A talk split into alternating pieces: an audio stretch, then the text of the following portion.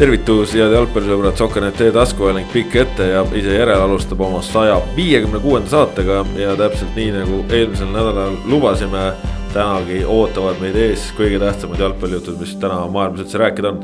minu nimi Kaspar Elisser ja täna siin minuga Ott Järvela. tervist. ja Kristjan Kangur ka tere! no Eesti jalgpallihooaeg on nüüd äh, mitmel rindel avatud, superkarikas mängitud, äh, Premium-liiga hooaja Äh, avasaade ka peetud ja, ja karikavõistluste paarid ka sinna takka loositud. Äh, võib-olla e-, esimene küsimus korraks karikaloosi osas, et äh, mis muljet teist see tekitas? ma ei tea, sina seda korraldasid seal, ma ütlen, et hästi loositud.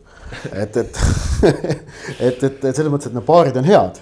esiteks saame Tallinna derbi, mis on hea teiseks on noh, oleme ausad, et nii, nii Paidel kui Kaljul ikkagi šanss poolfinaali jõuda on no vähemalt üheksakümmend protsenti, et noh, Leegionit, nagu me teame, on on muudest Leegionist on alles Riismed ja, ja Paidel on siis noh, sellest mängust peaks olema suht lihtne edasipääs ja Kaljul on vastas Tabasalu, mis tähendab, et see karika intriig poolfinaalides äh, on igal juhul väga kõrge ja šanss, et karika, et intriig on kõrge ka finaalis, on arvestatav ja yeah. see, see on see, mida karikafinaali loosist nagu tahta ning pluss nagu veerandfinaalides me saame kohe siia nüüd äh, märtsi või millal veerandfinaalid on? ja siin. Äh, ülejärgmine nädal vist.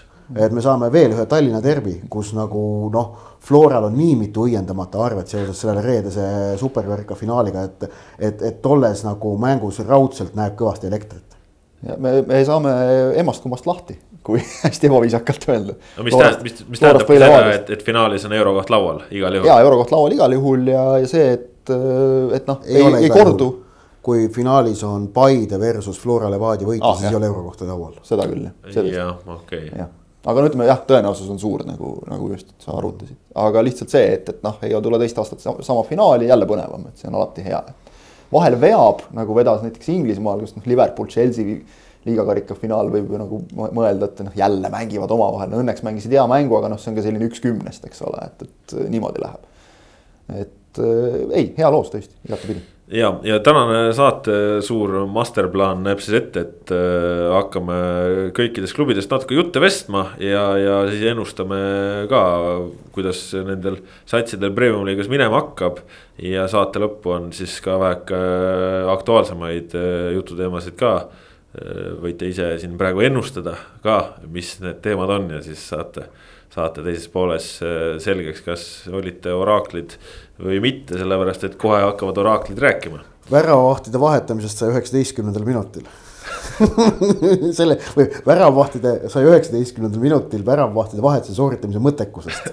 essee, kaks tuhat sõna autor Toomas Tuhhel no ja siis teistpidi sinna võib siukse mini-essee juurde siis kirjutada väravavahtide vahetamisest üheksakümne esimesel minutil ja, ja, ka seda. seda ka, aga no ütleme, see, see, seal ei olnud tagajärg kaugeltki äh, sarnane. et see, selle, see drastika, mida pakkus siis jah, see Inglismaa liigakarika finaal ei olnud kaugeltki sama, et noh. Flora mängus ikkagi Nõmm esiteks ta ühe penalti tõrjus ja, ja noh, me nägime, noh, see, see oli natuke teistmoodi jah.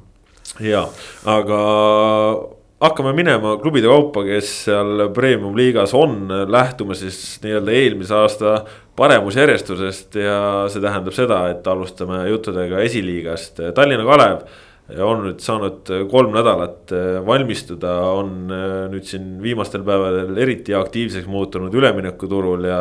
Ja on lõpuks päris, päris palju täiendusi teinud, noh, siin Hannes Anierid olid juba varem.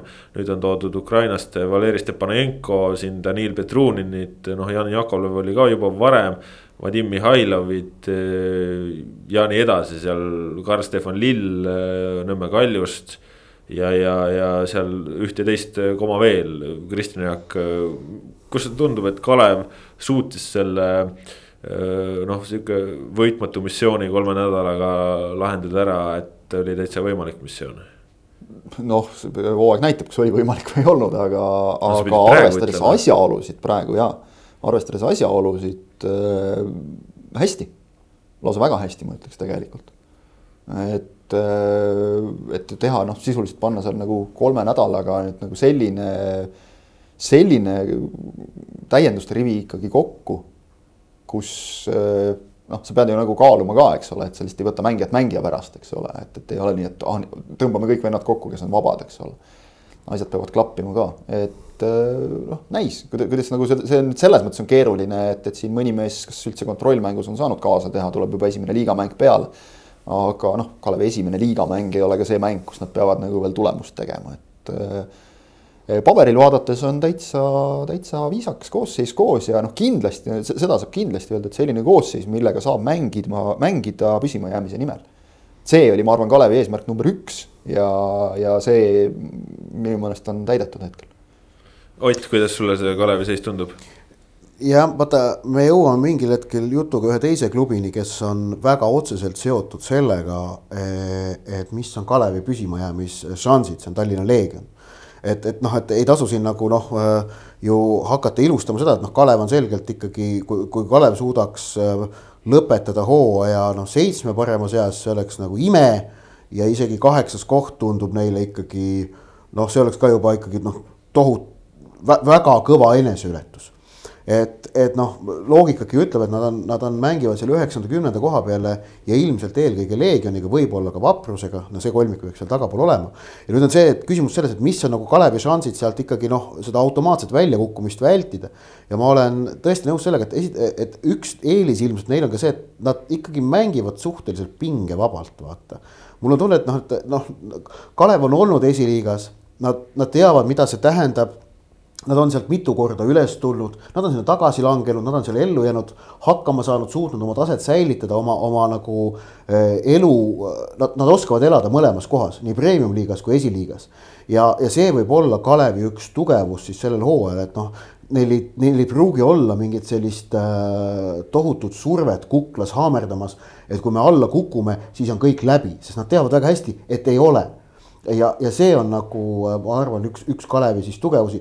koosseisu osas mulle tundub, et see on noh, see on koosseis, millega saab kenasti nagu, millega saab mängida.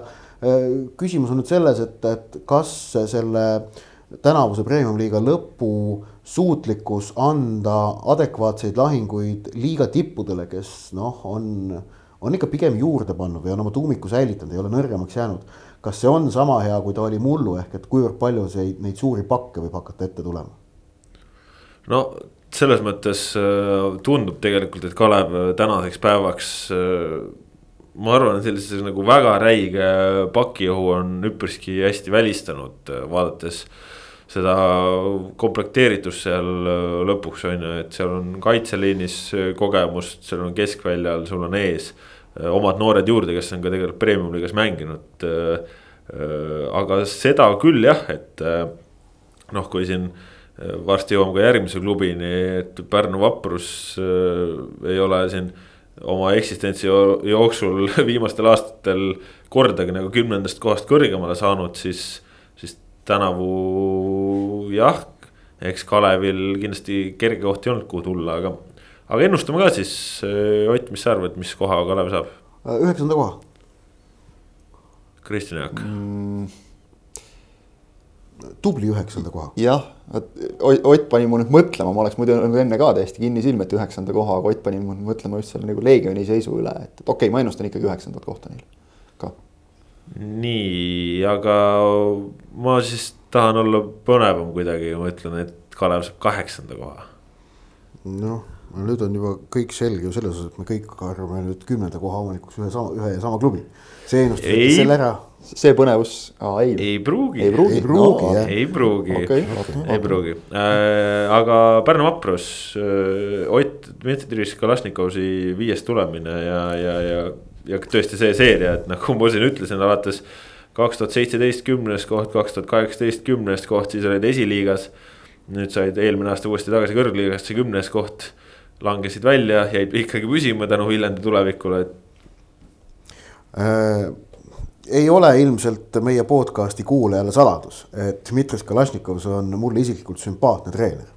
ja on olnud alates sellest ajast, kui ta Narva Transiga Premium-liigasse kaks tuhat üheksateist äh, tuli. Äh, et, et mulle, mulle meeldivad tema, tema sõnumi selgus, tema, tema selline siirus. Äh, ja, ja tegelikult ma, minu meelest on ta nagu teinud neljast senisest Premium-liiga töökohast kolmes vähemalt head või isegi väga head tööd.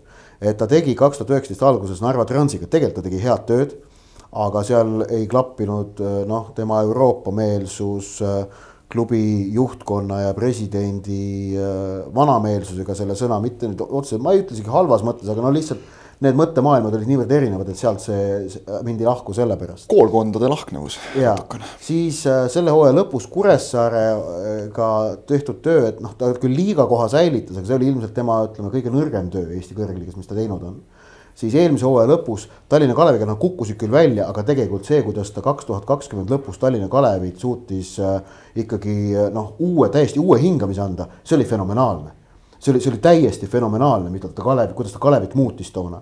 Neil jäi ju tegelikult ülivähe puudu ikkagi püsimajäämisest, mis tundus ja. sellel hetkel, kui Kalašnikovs tuli, noh, praktiliselt ilmvõimatu ülesanne. vaadates Kalevi mängupilti ja kõike, kõike muud. aga, ja, ja kusjuures ta ei saanud ju tuua mängijaid juurde, vaid ta tegi toona samade mängijatega selle, selle muutuse läbi. ning eelmine hooaeg äh, siis Tartu Tammeka äh, ka Äh, kus ta võttis tegelikult väga konservatiivse joone, sest ta teadis väga selgelt, et tema ülesanne on ainult üks, säilitada klubi kõrgliiga koht kasvõi läbi üleminekumängude.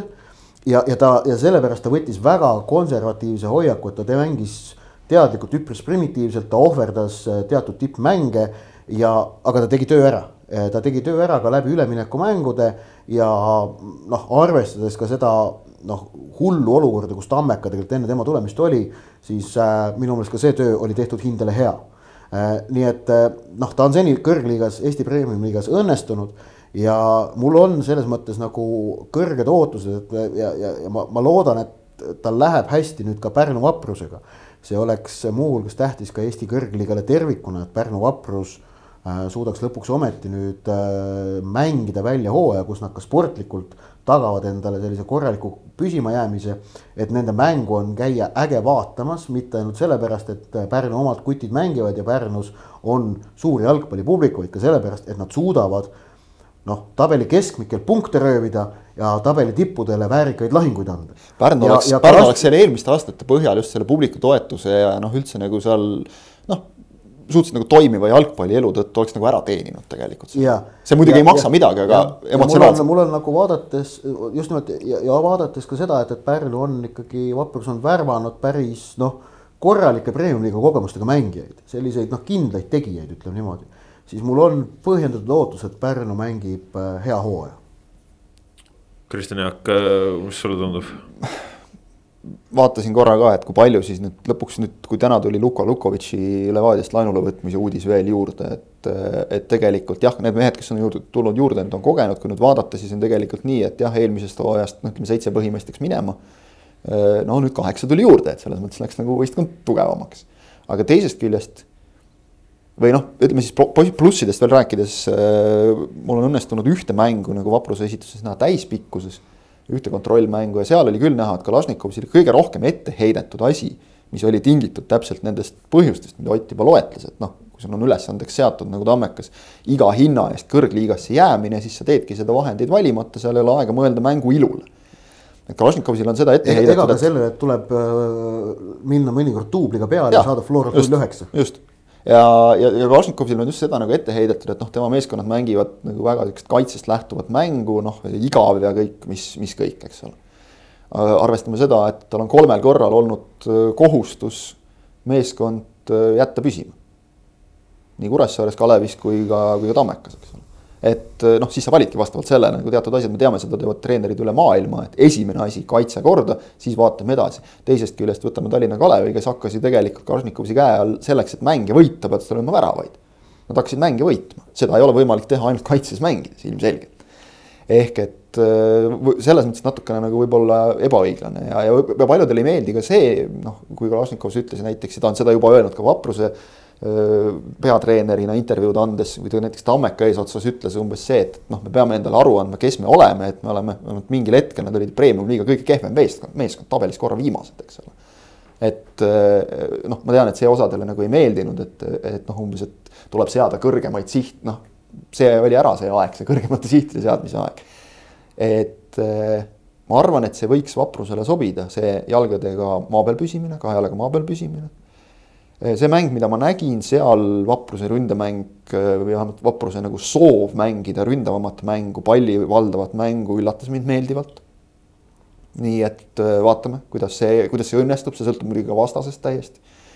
mängijad iseenesest on olemas, kogemusi on neil. aga üks suur probleem on Vaprusel minu meelest endiselt see, et pink on neil võrdlemisi lühike. et näiteks Tallinna Kalev oma noorte arvelt on kindlasti pikema vingiga. et need noored on mänginud, kas nüüd siin esiliigas või ütleme veel mõni aeg tagasi mängisid ka juba väga noortena, siis kui Kalev oli veel ise kõrgliigas, mängis Kalevi duubel esiliigas. ehk et, et seal on nagu pingi pikkust, mulle tundub oluliselt rohkem ja just nimelt seda pingi ühtlust et, et siin võib kätte maksta nüüd see, et, et need mehed, kes, kes Vapruses võib-olla selle hooaja ei kuulu enam põhikoosseisu, et nad ei kuulu üldse klubisse, nad on lahkunud sealt ja, ja noh, noori ei tule lihtsalt alt nii palju peale, et eelmisel hooajal tegelikult noh, noored tulid, kindlasti on neid, kes tulevad veel, aga noh, näiteks kaitseliinis just Lukovitši võtmise üks põhjuseid on see, et, et äh, pärast Magnus Villota vigastust oli kohe probleem juba hooaja eel. ja, ja on mänginud kaitses näiteks Reno Mark, kes noh, varem ei ole nagu põhikohaga kaitsja olnud. et tegelikult seal, seal võib nagu tekkida, tekkida vaprusel probleeme pika hooaja jooksul ja mulle endale tundub siin ka, et, et nad on küll asendanud mängijaid ja, ja toonud tõesti ju kvaliteeti satsi juurde, aga noh, tegelikult ikkagi väga mitmed oma satsi näod kaotati ju. Noh, Saartsid, Vihmajad ja nii edasi, on ju, et need on ikkagi omad Pärnu kutid, ehk siis mu esimene ennustus on, et Pärnus publikut on sellel aastal vähem et ühesõnaga, et, et nad nii hullusti ei pane hullu, kuigi ma loodan, et ma eksin, aga, aga väike sihuke tunne on. ja, ja ma siis avan selle laeka ka ja, ja ütlen, et Pärnu vaprus aastal kaks tuhat kakskümmend kaks, kümnes koht. mina arvan, et ähm, kaheksas väikese variandiga isegi jõuda seitsme sekka, sõltuvalt sellest äh,, kuidas suudetakse hoida stabiilsust Narva Transis pakun ka kümnendat kohta. aga ütleme, et võimalused mängida püsimajäämise peale tunduvad vaprusel natuke paremad kui eelmisel aastal. seda kindlasti. aga ma usun, et või arvan, et sellest jääb napilt, aga siiski väheks no lõpuks statistiline nädal peab ka midagi maailmas tähendama, on ju. ja, ja noh, meil on endiselt see tundmatu muutuja Leegioni näol, nii et ja. see noh, võib, võib ka oma rolli mängida. ja ei no eks me lõpuks ju ütleme praegu lihtsalt mingisuguseid äh, numbreid ja, ja. ja, ja nii ta on. aga Tartu Tammeka eelmisel aastal päris sihuke fiasko hooaeg, üheksas koht, üleminekumängud võitsid. Äh, selgus, et poleks pidanud neid võib-olla ka mängima, mängisid ikka ja, ja kõik läks hästi. nüüd siis äh, talvel täitsa uus tulemine, et kui nad siin eelmisel aastal juba talvel kiratsesid ja ei teinud nagu mitte midagi, sest nüüd hooajalised treeningmängud kaotusteta läbi. Miguel Santos on pannud satsi mängima, kaitse on saadud väga korralikult pidama, ees on ka asjad toiminud, sul on seal Sander Purid, Taio Tõnistet, Sander Kapperid. Langid, Juhkamid, Laabused, Andersonid, noored Tammikud, Pehterid veel ka sinna peale. noh, kuidas teile tundub see olukord? Tammeka alustas äh, tegelikult mingil hetkel tundus, et nad olid nagu Tallinna Kaleviga võrdses seisus, et nad oleks ka nagu viimasel hetkel teada saanud, et, et aa, kõrgliigas mängime ja siis hakanud vaatama, mida teised teevad, et see komplekteerimine kuidagi tundus mingil hetkel, et jääb jube hilja peale. ja, ja siis veel see, eks ole, et ei saa hallis treenida ja noh, nagu tundus, et on mingi täielik kaos, treener on kuskil koroonas ja kuskil välismaal kinni ja ei saa Eestisse. ja siis hakati kontrollmängudes paugutama järsku. et äh, nagu natuke isegi ootamatu, noh niivõrd hästi läinud ettevalmistus ja ka komplekteerimine, sest noh, Sander Purist on meil juba olnud siin siis, kui see tema palkamise uudis tuli juttu, et kui oluline mängija tema võib olla just oma, tänu oma rollile väljakul. ja seda on äärmiselt sümpaatne vaadata, sest sama asi natukene nagu, nagu Pärnuga, et noh, Tartu jalgpall väärib korralikul tasemel klubi kõrgliigas kes ikkagi seal kõrgliigas nagu ka ei ole mitte kuskilt kellegi armust, vaid noh, saab seal hakkama ja ei ole sinna juhuslikult ära eksinud. Tammeka eelmine hooaeg noh, selles mõttes noh, alati saab veel hullemaks minna, eks ole, aga, aga noh, ega väga palju hullemaks tegelikult selle mängijate valikuga enam ei saa ju. et, et noh, nii lati alt läbi pannes kõik, mida sa nüüd sel hooajal teed, on juba positiivne samm edasi, see tekitab kuidagi enesekindlust. Tartus ei ole ju tegelikult kunagi olnud seda probleemi, et noori peale ei tuleks. Et, et seda, seda muret neil, ma arvan, ei ole ja kui peatreener neid noori usaldab ja, ja noh, ütleme eelmise sellise tõesti nagu pekki läinud hooaja pealt. kui peatreener ütleb, et poisid, mängige, tehke, siis noh, see, see usaldus ja, ja see palliga mängimise mõnu, lõbu ja enesekindlus see, see võib palju juurde anda Tammekale, aga noh, tihti me oleme näinud, et kas nüüd õnnestub see kontrollmängude hea hoog ka üle kanda päris mängudesse. Et, et sellele me vastust enne ei saa, kui ütleme isegi esimene ring on mängitud ja noh, me teame, Tammekal on alati olnud see, see probleem ka, et, et mingil, mingil hetkel nagu, et küll läheb hooaja esimene pool aia taha, siis teine pool, kuidas seda stabiilsust suudetakse hoida. Miguel Santos on nagu ikkagi meie kõigi jaoks nii tundmatu treener et, et selles plaanis on väga raske ennustada, et kuidas ta näiteks äh, suudab meeskonnaga hakkama saada siis, kui äh, asjad ei jookse, kui tulemusi ei tule. Praegu on noh, kõik läinud hästi, saadi head mehed, on saadud ikkagi teha ka lõppkokkuvõttes korralikult Viljandi hallis trenni, on saadud häid tulemusi. noh, kasvõi need mehed, enamik on ju alles, kes, kes meenutavad eelmise hooaja ettevalmistust, kus ainult kaotused tulid. noh see, see mälupilt on sul kuskil meeles, selle pealt on tehtud samm edasi. aga, aga palju see nüüd kõik kokku maksab nagu väljakul, noh objektiivselt võttes Tammeka koht tegelikult sellise mängijate valikuga on, ütleme nii, et minimaalselt peavad nad võitlema kuuenda koha pärast. tegelikult see viies-kuues on ju olnud nende koht, et noh, kõikide märkide järgi eelmine aasta oli anomaalia. praegu paistab, et, et kõik, et selle viiendale, viienda-kuuenda koha võitlusesse sekkuda tundub, et oleks nagu Tammekal olemas, võib-olla ainus küsimus on see, et kes väravaid lööb. et noh, Kevin no, see Mätas. väga suur küsimus. see, see on suur küsimus ikkagi, et Kevin Mätas on selgelt esiründaja nüüd, kedagi juurde noh ei toodud. äärte pealt ilmselt Uljanov ja eriti Veelma peavad hakkama tegema, sest Veelma eelmine hooaeg oli noh, täielik katastroof. mees ootas endalt kindlasti ise ja oodati temalt läbilööki. selle asemel ta noh ma ei taha öelda, et ta oli mängijana ümmargune null, ta tegi ja püüdis, aga noh, tulemuste või ütleme siis nagu statistika poolest noh, ründavalt mängijalt täiesti nagu lubamatu hooaeg. ta teab seda ilmselt ise ka väga hästi, et, et noh, sealt jällegi saab ainult paremaks minna. Ott, kuidas sulle Tammeka tundub? ma ütlen ausalt, ma ei ole Tammekat üldse näinud, aga olen rääkinud äh, paari inimesega, kes on Tammekat vaadanud päris palju ning nad on välja toonud asjaolu, et Tammek on iga treeningmänguga läinud paremaks et iga treeningmänguga Tammeka äh, mäng muutus asjalikumaks, konkreetsemaks, et nad suutsid selgelt nagu leida üles enda, enda, enda esitusest uusi tahke, mis viitab sellele, et, et äh, treener on teinud head tööd. ja, ja nüüd, kui me vaatame Tammekat siis äh, sellises üldisemas plaanis, siis ja mitte ainult eelmise hooaja kontekstis, siis et kui vaadata nende, ütleme eelmise kolme hooaja tulemusi, siis need kohad on ju viies, viies, üheksas. ehk et see keskmine on seal ikkagi ütleme viies-kuues, noh kuues on see keskmine nende kolme hooaja peale. ja, ja nüüd tõenäosus, et eelmine hooaeg oli anomaalia, kus oli näha ilmselt võistkonna väsimist nii peatreenerist, aga ka ilmselt äh, sisemise värskuse nappust äkki.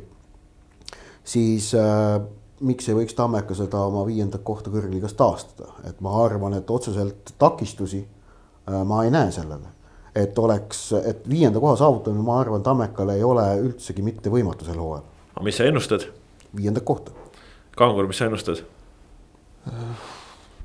viiendat, kui ma jah, viiendat.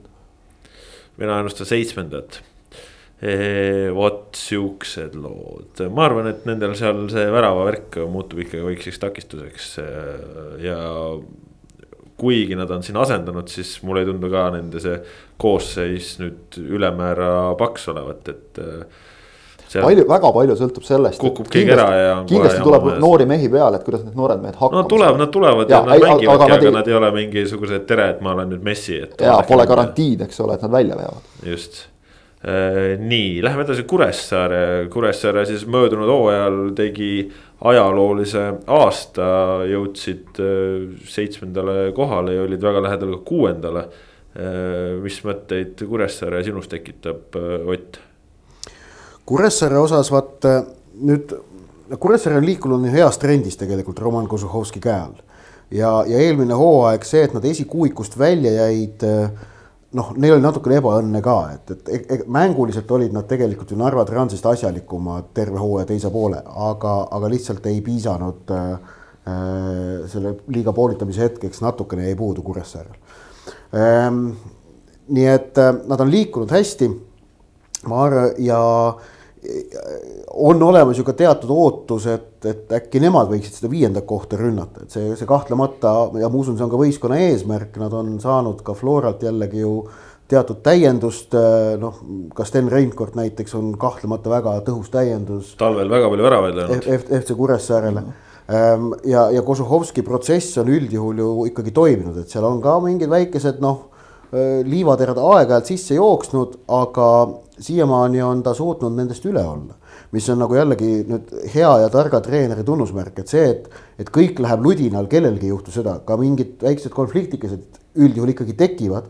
aga et kas suudetakse neist, ähm, neist nagu edasi liikuda, see on ka üks kvaliteedi näitaja ja, ja Kozuhovski on ikkagi ju tegelikult suutnud seda Kuressaare kompotti kenasti koos hoida. nüüd mul on küsimus see, et, et kas, kas nagu võib hakata tekkima ka seal mingisugune seisva vee efekt ikkagi. mulle tundub, et selle talve pealt, kus sul on äh, ikkagi tulnud juurde kasvõi kaitseliinis muudatus on ju, et äh,. Sander Alex Liit Ranon Kriisa asemele, Moritz Veering on sinna tagamisse liini tulnud, Tristan Toomas Teeväli mm, -hmm. et ma arvan, et sihuke nagu, et seal on nagu särtsu natukene. ja see on, see on koosseis, aga nüüd see, et kas selle, kas, kas treener ise suudab, suudab värskust säilitada? Morozov Morozov on, ma arvan. Äh, annab seda jah. ma arvan, ma, ma arvan küll, et kui muidu Kozlovski noh, oli oma mõtetega ja noh, helistas Jan Važinskile, et kuule, et kuidas sa Saaremaal neid asju näed ja, ja arutasid ja, ja mõtlesid nende asjade üle, siis noh. nüüd, kui Morozov on ikka igapäevaselt treeningprotsessis sees, noh, see on natukene teine asi, kui, kui, kui oli muidu, et äh, seal Sander Laht või Karl Mööl on ju aitasid trennis mingeid asju läbi viia ja noh, muidugi. Kozlovski väga palju konsulteeris oma vanemate mängijatega. ja, aga vaata seal, seal tekib kohe nagu. Mööl, Laht, Tutk, Pajunurm on ju, aga nüüd, kui sa, kui sa konsulteerid ikkagi ka nagu treeneriga, ma arvan. sa konsulteerid treeneriga, kellel on Levadia süsteemi kogemus, kes on ekskoondislane. noh, ta on eks-, noh. Ungari meister. kes on mänginud välismaal täpselt, eks ole. mitte mänginud, Ungari meister. Ungari meister, mänginud mitmes välisliigas, olnud Eesti koondises ka põhimees mingil ja. hetkel et noh, jah, kelle karjäär läks küll vigastatud tuksi kahjuks on ju lõpuks, aga, aga noh, selles mõttes, et Morozovi jah, näol on see, et, et, et äh, nii kõva karjääri kui Morozovil ühelgi Kuressaare mängijal ette näidata ei ole. just, ei ole. ja ei ole jah, tõesti ja et, et noh, jah, äh, see on see, et muidu ütleks, et kaks pead on kaks pead, nüüd ütleme siis, et noh, kolm on kolm, eks ole, et Važinski on ka endiselt täiesti olemas, eks ole, aga just see, et, et jah, uued ideed, uued mõtted. Äh, noh, mängijatega konsulteerimine on alati nagu natuke teine asi, et, et noh, siis seesama mängija läheb väljakule, eks ole, et, et noh, seal, seal, seal tekivad mingid, et ei tekiks nagu jälle meeskonna sees vaata mingit hõõrumist, eks ole, et, et noh, mingeid leere ja asju, et. et noored kuidagi ei tunneks, eks ole, et neid on kõrvale jäetud, seni pole seda olnud ja noh, ütleme, et see on selline teoorias võimalik nagu pingekoht, et nüüd ta on noh, mõnevõrra nagu maandatud natukene no,. aga, aga kur, mis, Kuressaare. mis noorte kõrvalejäämist äh, puudutab, siis eks tegelikult ju selles mõttes on pull, et äh, Kozlovskil on ju ülinoor sats, ta mängib U kakskümmend üks koondisega, nüüd on seal U üheksateist koondislasi. aga tegelikult nagu mingite tüüpide toomisega esindusvõistkonda ta ikka nagu ei tee väga lihtsalt seda sammu, et ta ikka laseb seal kuttidel praadida ja toob nagu väga head vennad. kes, kes võib-olla on ka trennis tõestanud, ei anna nii lihtsalt seal, et, et oli... neid tüüpe, kes on seal nagu istunud ja oodanud oma šanssi, seda on ikka päris palju olnud. kas see ei olnud eelmisel hooajal või oli see juba üle-eelmisel hooajal? no iga hooajal on neid asju. ei, kus ta tegi vaata selle ka. Nagu, ja... selle lükke, eks ole, et panen su sisse, okei okay,, sa ei täida ülesandeid, ma võtan Just, su välja jälle. ta teeb jah. mingi kaks hooaega järjest vist on vähemalt ühe korra niimoodi olnud, eks. et, et see, see on noh, selles mõttes nagu jällegi nagu hea ka, et noortele öeldakse, et okei okay,, tahad koosseisu, aga mängi ennast sinna sisse, mängi, mängi see äh, igapäevatöö kõrvalt äh, käiv Rauno Tutk välja koosseisust, eks ole. kui ei mängi, siis noh, siis on peeglisse vaatamise yeah. koht. et selles mõttes nagu lihtsaks midagi ei tehta. ja, ja noh, vanematel meestel, eks ole, ka selle võrra nagu paneb, paneb veel rohkem pingutama, et, et kui siin vaatad, et Märten Pajunurm tegi noh, võib-olla eluhooaja, eks ole, eelmisel aastal väga küpses nagu mängija eas, et, et selles mõttes nagu kõik tasakaalus, on kogemust, on noorust, on kõike nagu sel aastal on ka veel rohkem minu meelest, mis oli, ütleme üle-eelmisel aastal nagu selge Kuressaare probleem, eelmisel aastal läks juba paremaks. nüüd sel aastal tundub, et on läinud veel paremaks sisemise konkurentsi teema, et, et nüüd, kui Mattias Männilaan läheb ka tagasi, aga seal on Rein Cortez, kes ei kavatsegi Männilant lasta algkoosseisu, eks ole, enda asemele paned äh, mõlemad sisse, siis vajab Sander Laht kuskile juba nagu liigutamist, eks ole. Silver Alex Kelder tegi eelmisel hooajal äh, keskväljal nagu väga hea hooaja, eks ju, et, et noh, positiivsed mured treeneri jaoks. Äh, põhiküsimus minu jaoks Kuressaare jaoks on see, Kuressaare puhul on see, et eelmisel hooajal ma ütleks, et nad mängisid oma võimetest, noh, absoluutne maksimum oleks olnud see kuues koht, esikuuikusse jõudmine. aga noh, tegelikult nad mängisid sisuliselt maksimumi välja nüüd on see, et noh, varem olid nagu murekohad väga selged, kus juurde panna. nüüd on see, et, et kust nagu veel leida sisemisi ressursse, noh ilmselt see peab olema üks neist just see sisemine konkurents, mis nagu veel tõukab edasi, teine siis võib-olla tõesti see, et värsket mõtlemist treeneri pingil natukene. aga vot nüüd on see küsimus, et kas see nagu tabelis noh, parema koha annab see, see on juba, juba omaette teema, et no, seal, seal tuleb äkki nagu mingi piir ette, kus peaks nagu noh, tegema nagu olulise hüppe. ennusta ennustan, mis ma Tammekale ütlesin, viiendat kohta pakkusin. ma pakun Kuressaarele ikkagi seitsmendat. mina pakun kuuendat. mina pakun ka Kuressaarele kuuendat kohta ja, ja põhjusel, et kui suudab Kozlovski eh, Reinkordi ja Männilane korraga mängima panna, siis see on ikka päris rõve tuua meile vastu mängida, et noh, see on idee poolest täiesti tehtav, liigutad lahe kümne peale ja.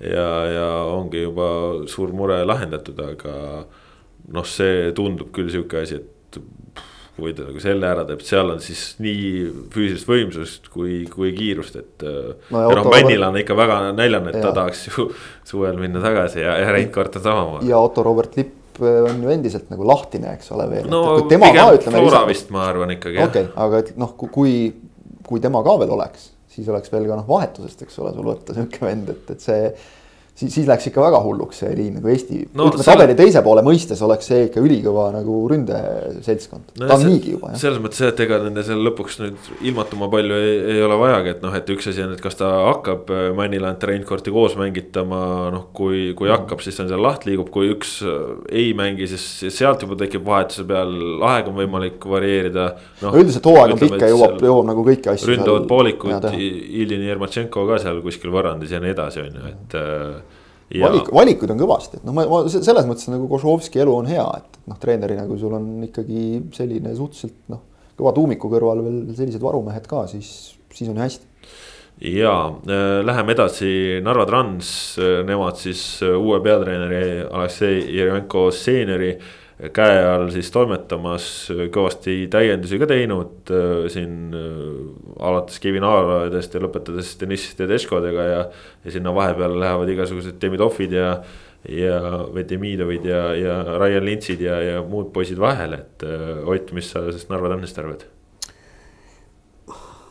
Narva Transi tähtsaim liigutus sel talvel on ikkagi peatreener Jeremenko see on nagu noh, asi, millest ei ole võimalik mööda vaadata, tegemist on vägagi autoriteetse peatreeneriga, kelle, kelle noh, Narva toomine oli üllatus.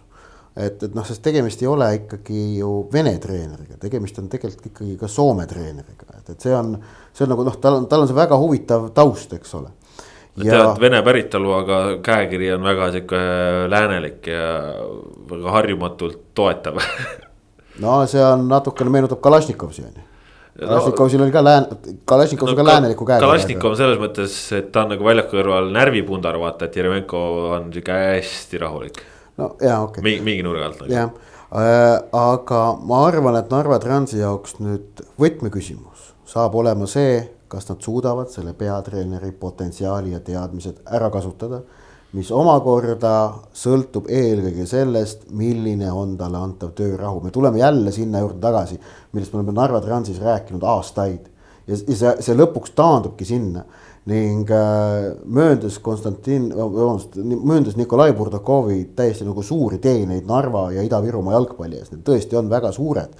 siis kas ta suudab teha seda, et ta läheb tribüünile ja mitte tehnilisse alasse kas, kas, kas, kas, kui ta suudab seda teha, siis ma arvan, on Transi šansid head.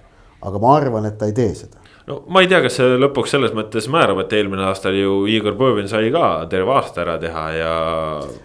ja aga vaata, see on, ähm, see ei ole ainult see, et kas, äh, kas, kas treenerit vallandatakse või mitte või kas temaga isegi mängu ajal räägitakse või mitte.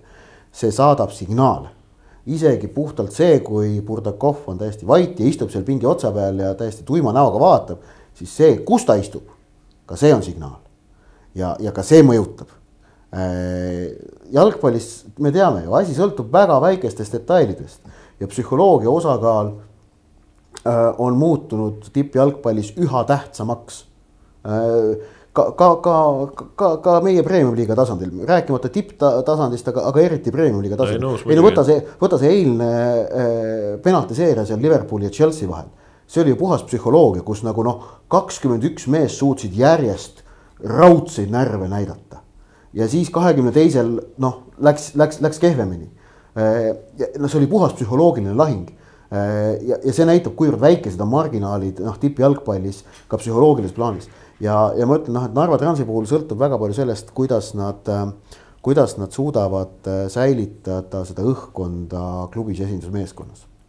Mulle endal tundub, et, et see õhkkond just selle Jeremenko olekuga ja, ja olukorrast, kus tõesti valdab mitmeid keeli, suudab kõikide mängijatega väga nagu vabalt suhelda, et, et seal ei ole kellelgi ei ole mingisugust keelebarjääri, et noh, neid mängijaid on ju Äh, Narvas olnud küll, et kes ei saa treenerist lõpuks nagu päris täpselt aru.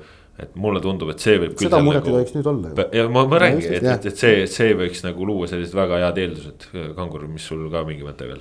ma jah, ma miskipärast ka usun nagu sellesse, et, et seda on juba kohe põhimõtteliselt niipea, kui Jeremenko tuli, siis juba mõned mängijad ütlesid, et, et noh, väga kiirelt räägiti üks-ühele, mida ma sult ootan.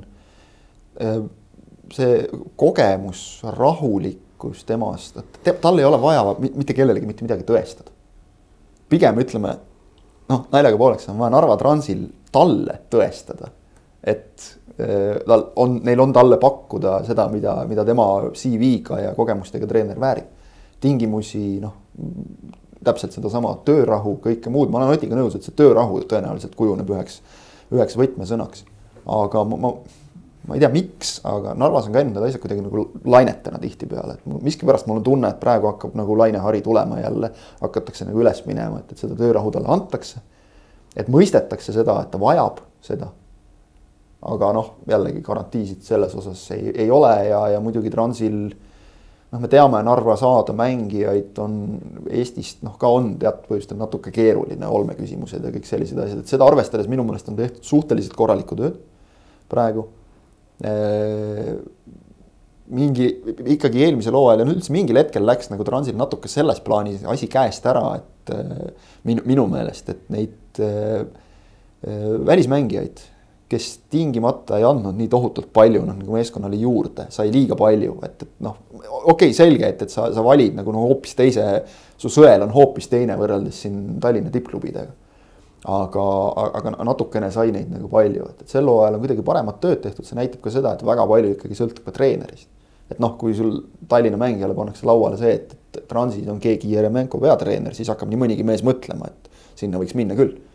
ehk et äh, ma, ma, ma miskipärast olen, ütleme niimoodi, ettevaatlikult optimistlik Transi selle hooaja võimaluste suhtes ja sellest ka noh, ilmselt on siin võimalik juba nagu välja arvutada, et, et ma, ma pakun neile kuuendat kohta Ott, mis sa pakud Transile?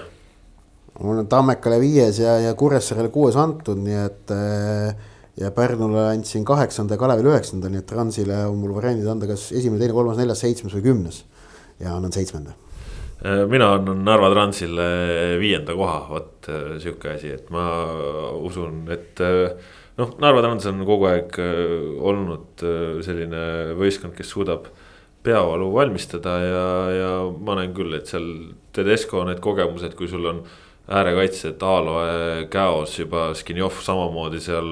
praeguse seisuga võib-olla Roman Nesterovski on üldse varu keskkaitsja, et äh, küsimus on, et kuidas need väravad hakkavad tulema, aga noh sul on Golovjov samas on ju ja, ja Pevtsov tegi ju eelmisel aastal väga kihvti arengu, et.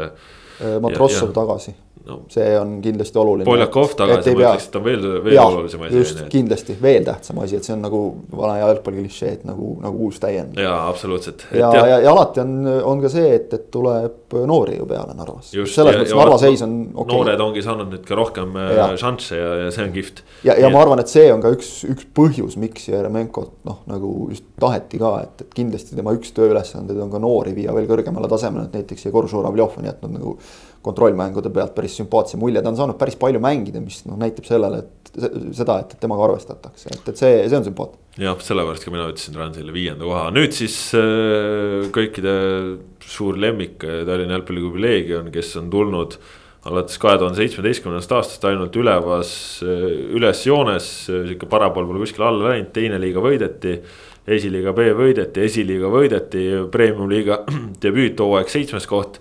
Eelmine aasta viies koht, noh siit sihuke hüpe peaks tulema juba medalitele, aga, aga ei, ei, ei kipu nagu tulema selles mõttes, et äh, Leegion alustab hooaega siis miinus nelja punktiga. said ka üleminekute tegemise piirangud, ehk siis ei tohi välismaalasi palgata tohivad palgata kuni kahekümne kolme aastaseid Eesti mängijaid vabalt vanemaid Eesti mängijaid võiksid palgata, kui need läheksid solidaarsusmehhanismide alla, aga. Need on vist nendel kohad on juba täis seal, ehk siis äh, sisuliselt ei saa ja, ja võivad siis kasutada või registreerida uuesti neid mängijaid, kes äh, eelmisel hooajal ka nende eest mängisid, ehk siis seis on ülikeeruline. Äh, Deniss Belov, võistkonna peatreener ja president, kes vahepeal kuidagi tahtis öelda, et, et tegelikult seis ei ole üldse nii hull ja ja, ja kõik on hästi ja, ja, ja probleemi pole. ja, ja on palunud, et äh, Sokernet ikka helistaks talle, siis äh, noh, jah. Terist, ma, terist, ma, ma tean, et sa suure tõenäosusega kuulad seda saadet, nii et võib-olla lihtsalt võta teinekord telefon vastu, et siis saame rääkida ka, aga aga, aga selles mõttes see olukord on äh, jah, et Leegion läheb noortega ja. ei no, noh, tegelikult on Leegionist ju kahju sest noh, ega nagu. väga kahju. väga kahju isegi jah, tegelikult, et ega, ega ju keegi ei tulnud nagu siin meelega, meelega klubi põhja laskma, see on ju täiesti selge, et parimad kavatsused on olnud. eelmise hooaja Leegion oli sportlikult ju väga huvitav võistkond. ülimalt. sümpaatne no muidu, muidu nad poleks ju viiendat kohta saanud. just, no sa võid viienda koha võtta mitmel moel, aga ma ütlen, Leegion mängis sümpaatset jalgpalli. ja valmistas tippudele väga palju peavalu, kuigi ei õnnestunud sealt punkte röövida. on just. valmistanud tippudele ka väga palju mängijaid aeg, aegade jooksul, eks ole, aga siin noh, viimastel kõrgliiga hooaegadel, et, et see on, see on ainult kiiduväärt ja noh, müts maha selle ees. et äh, tegelikult noh, vist kõlbab öelda, et suur tükk ajab suu lõhki, et natuke sihiti liiga kõrgele sihiti liiga kõrgele lihtsalt, et ei, ei kandnud veel tiivad nii kõrgele, kui taheti lennata. kõrgliigasse tulek ei ole lihtne vist küll mitte üheski jalgpalliriigis, kui sul ei ole nagu taga kas siis noh, pururikast omanikku, selleks sa pead tõesti olema selline mees, kellel on nagu raha noh, loopida pakkide kaupa. Või, või siis noh ma ei tea, ühesõnaga sul peab olema ikka nagu tegelikult olema ausad, sul peab olema ropult raha, ükskõik mis tasemel, summad on võib-olla erinevad, aga, aga noh, sul peab olema nagu meeletud võimed, et teha just mingi tohutu hüpe. ja see hüpe osutus Leegioni jaoks natuke liiga suureks. et ma arvan, et kui nad oleksid natukene võtnud rahulikumalt, ei oleks neil neid probleeme, mis praegu. noh, ja teisest küljest, kas saab nagu, nagu väga tohutult ette heita, et, et sportlikud ambitsioonid on suured. See on lihtsalt õppimise koht, ma arvan, tegelikult see, see ei ole nagu tegelikult, noh, tegelikult see ei ole nagu selline noh, näpuga näitamisega irvitamise koht, see on. see, see, see on pigem arvestades Leegioni äh, püramiidi selle alumise osa laiust. siis tegelikult noh, see pigem nagu võiks olla selline noh, nagu õlale patsutamise koht, et noh, proovige nüüd kuidagi hakkama saada, üle elada, eks ole, minge edasi, et, et aga noh. pauk vastu hambaid on valus otse öeldes, mille elu andis praegu, eks ole et eh, noh, õnneks, Leegioni õnneks on neil vähemalt noored, et nad tõesti seda kõrgliiga kohta nüüd käest ei pea andma, kui esindusmeeskond laiali vajus, eks ole. kui selgus, et, et ei ole ikkagi võimalik maksta sellist palka nagu, nagu siin sellised mehed nagu ma ei tea, kas siis Ander Puri, eks ole, või siin mingid välismaalased väärt on. Eesti koondislasele sa ei saa maksta nii-öelda noh, piltlikult öeldes toidutalongides, eks ole. ja, ja noh, selgus, et ei ole neid ressursse lihtsalt lõppkokkuvõttes ja see, et saadi nüüd noh, see karistus, eks ole. miinus neli punkti, see oli ju tegelikult õhus juba eelmisest aastast. see võib-olla läks vahepeal meelest ära selle Leegioni hea hooaja taustal, aga et, et tegelikult probleemid olid juba siis, juba varem. see on ka võib-olla väike. probleemid mängijatele maksmisega, nagu ma aru saan, eks ole, on olnud, et, et noh, ikkagi nagu asjad, asjad jooksid kokku ja noh, eks me oleme seda nagu enne ka öelnud, et, et ühtepidi nagu müts maha, kui üks mees püüab noh, juhtida firmat olla klubi president, olla ka peatreener, töö, mis ilmselgelt noh, paneb tal silma särama ja talle meeldib. ühelt poolt on see kiiduväärt, aga teisest küljest noh, meie kõigi ööpäevas on kakskümmend neli tundi. et, et lihtsalt ei jõua no,. et, et noh, see, see ka oli üks, üks põhjus, Deniss Belov on teinud ära väga suure töö, et seda Leegioni noh, vedada just sellele tasemele. aga, aga ka selles mõttes võib-olla ütleme, et, et see noh, suutäis oli lihtsalt natuke liiga suur nojah, see võib-olla oligi, et, et kui sa investeeritud äh, päris tugevalt mängijatesse, et võib-olla oleks pidanud äh, natukene investeerima ka klubi siis köögipoolde nii-öelda, et need paberiasjad oleksid korras ja et nendega ei oleks probleemi ja et tekiks nagu mingi selline tagala seal ja sihuke kindlus, et, et, ja, et see, selle pealt ju lõpuks probleemid tulivad, see, et Leegion praegu... sportlikult esindusvõistkond mängis, selles ei olnud ju küsimus, probleem on selles, et Leegionil on kogu paberimajandus ja see pool on noh, karahuul. Noh. kusjuures tegelikult see paberimajandus ju nagu ma aru sain Jalgpalliliidu distsiplinaarkomisjoni otsusest, noh mingil hetkel seda jõudumööda kogu aeg saadi nagu korda paremaks no. aga, aga lihtsalt noh, ilmselgelt liiga hilja, et kui sulle antakse muudkui noh, järjest tähtaegu ja sa need noh, ei saa nendega hakkama. no probleem on ikkagi siis... võlad, võlad, võlad ka. no ja võlad ka, eks ju jah, et noh, ei ole nagu seda, seda nagu ei ole, et, et noh, umbes, et noh, jookseme kuhugi nurga taha ära, aga, aga no lihtsalt inimressurssi ilmselgelt ei ole, et neid asju lahendada, et kui, kui sa pead samal ajal tegelema ka veel ütleme jalgpalliväliste noh, nagu tööasjade lahendamisega, et see, see, see pool oli, ütleme nii, et jah, esindusmeeskonna nagu isegi tase, isegi nende noorte tase ju tegelikult see tuli premium-liigale, liigaga nagu kaasa või tuli premium-liigasse üle. aga nagu sa ütlesid, kõik see kontori pool ja kogu see klubi organisatoorne pool, see jäi toppama kuskile noh, esiliigasse või isegi ütleme esiliiga vaata et esiliiga B-sse Ott, mis sa vaatad, mis Leegion ees ootab? noh, vaata praegu on miinus neli, aga kus on kindlus, et neid miinuseid ei tule juurde? ma ennustan Leegionile viimast kohta esiliigasse langemist, kas nad seal esiliigas järgmisel hooajal üldse välja tulevad, on omaette teema.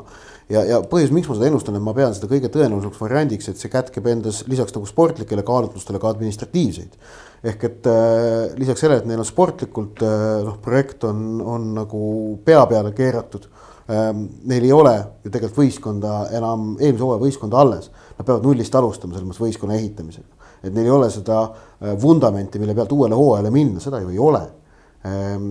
noh, mis on kõigil Pärnu vaprusel, Tallinna Kalevil on need asjad olemas Nemad jätkavad eelmisel hooajal tehtud tööd, ehitavad sinna mingid asjad juurde või peale ja noh, noh ütleme, tegemist on jätkuvalt sama majaga. aga Leegion hakkab uut maja ehitama praegu kõrgliigas, noh minu meelest ikkagi no. hakkab, sest et selles võistkonnas on niivõrd palju asju ja elemente kadunud. vaprus ja... mulle tundub ka, et natukene hakkab uut maja ehitama, arvestades, et kogu selgroog on ringi. vaata, siin on natukene see, et, et klubi toimimise loogika versus. no see nagu toimimise loogika selles osas on vaprus ja Kalev paremas seisus. seal on ikkagi jah, mingid just nimelt vaprusel ikkagi mingid noh, sellised elemendid olemas aga, aga ja Leegioni puhul siis teine, et, et noh, sportlikult on nagu olukord väga keeruline, aga teine asi on see, et, et administratiivsed ju ohud ei ole lõppenud, et noh, et tõenäosus, et äh, Leegion äh, äh, hooaja lõpus diskvalifitseeritakse sellepärast, et nad ei ole oma kohustusi täitnud noh, see on ju arvestatav.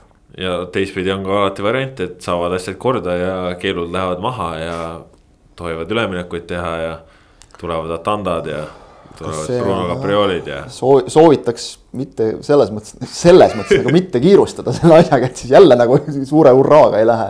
aga noh, see on variant. Ikar, Ikaruse kombel nagu jälle sinna ja siis kukub teine tiib ka küljest ära, et praegu üks veel püsib nagu küljes kuidagi no, nagu laperdab. sõita Ikaruse bussiga. ja nojah, siis need on ka läbi roostetanud tänaseks päevaks ammu kõik see ei ole ka väga hea plaan. ühesõnaga Ott ennustab viimast kohta Kanguru, mis sa ütled?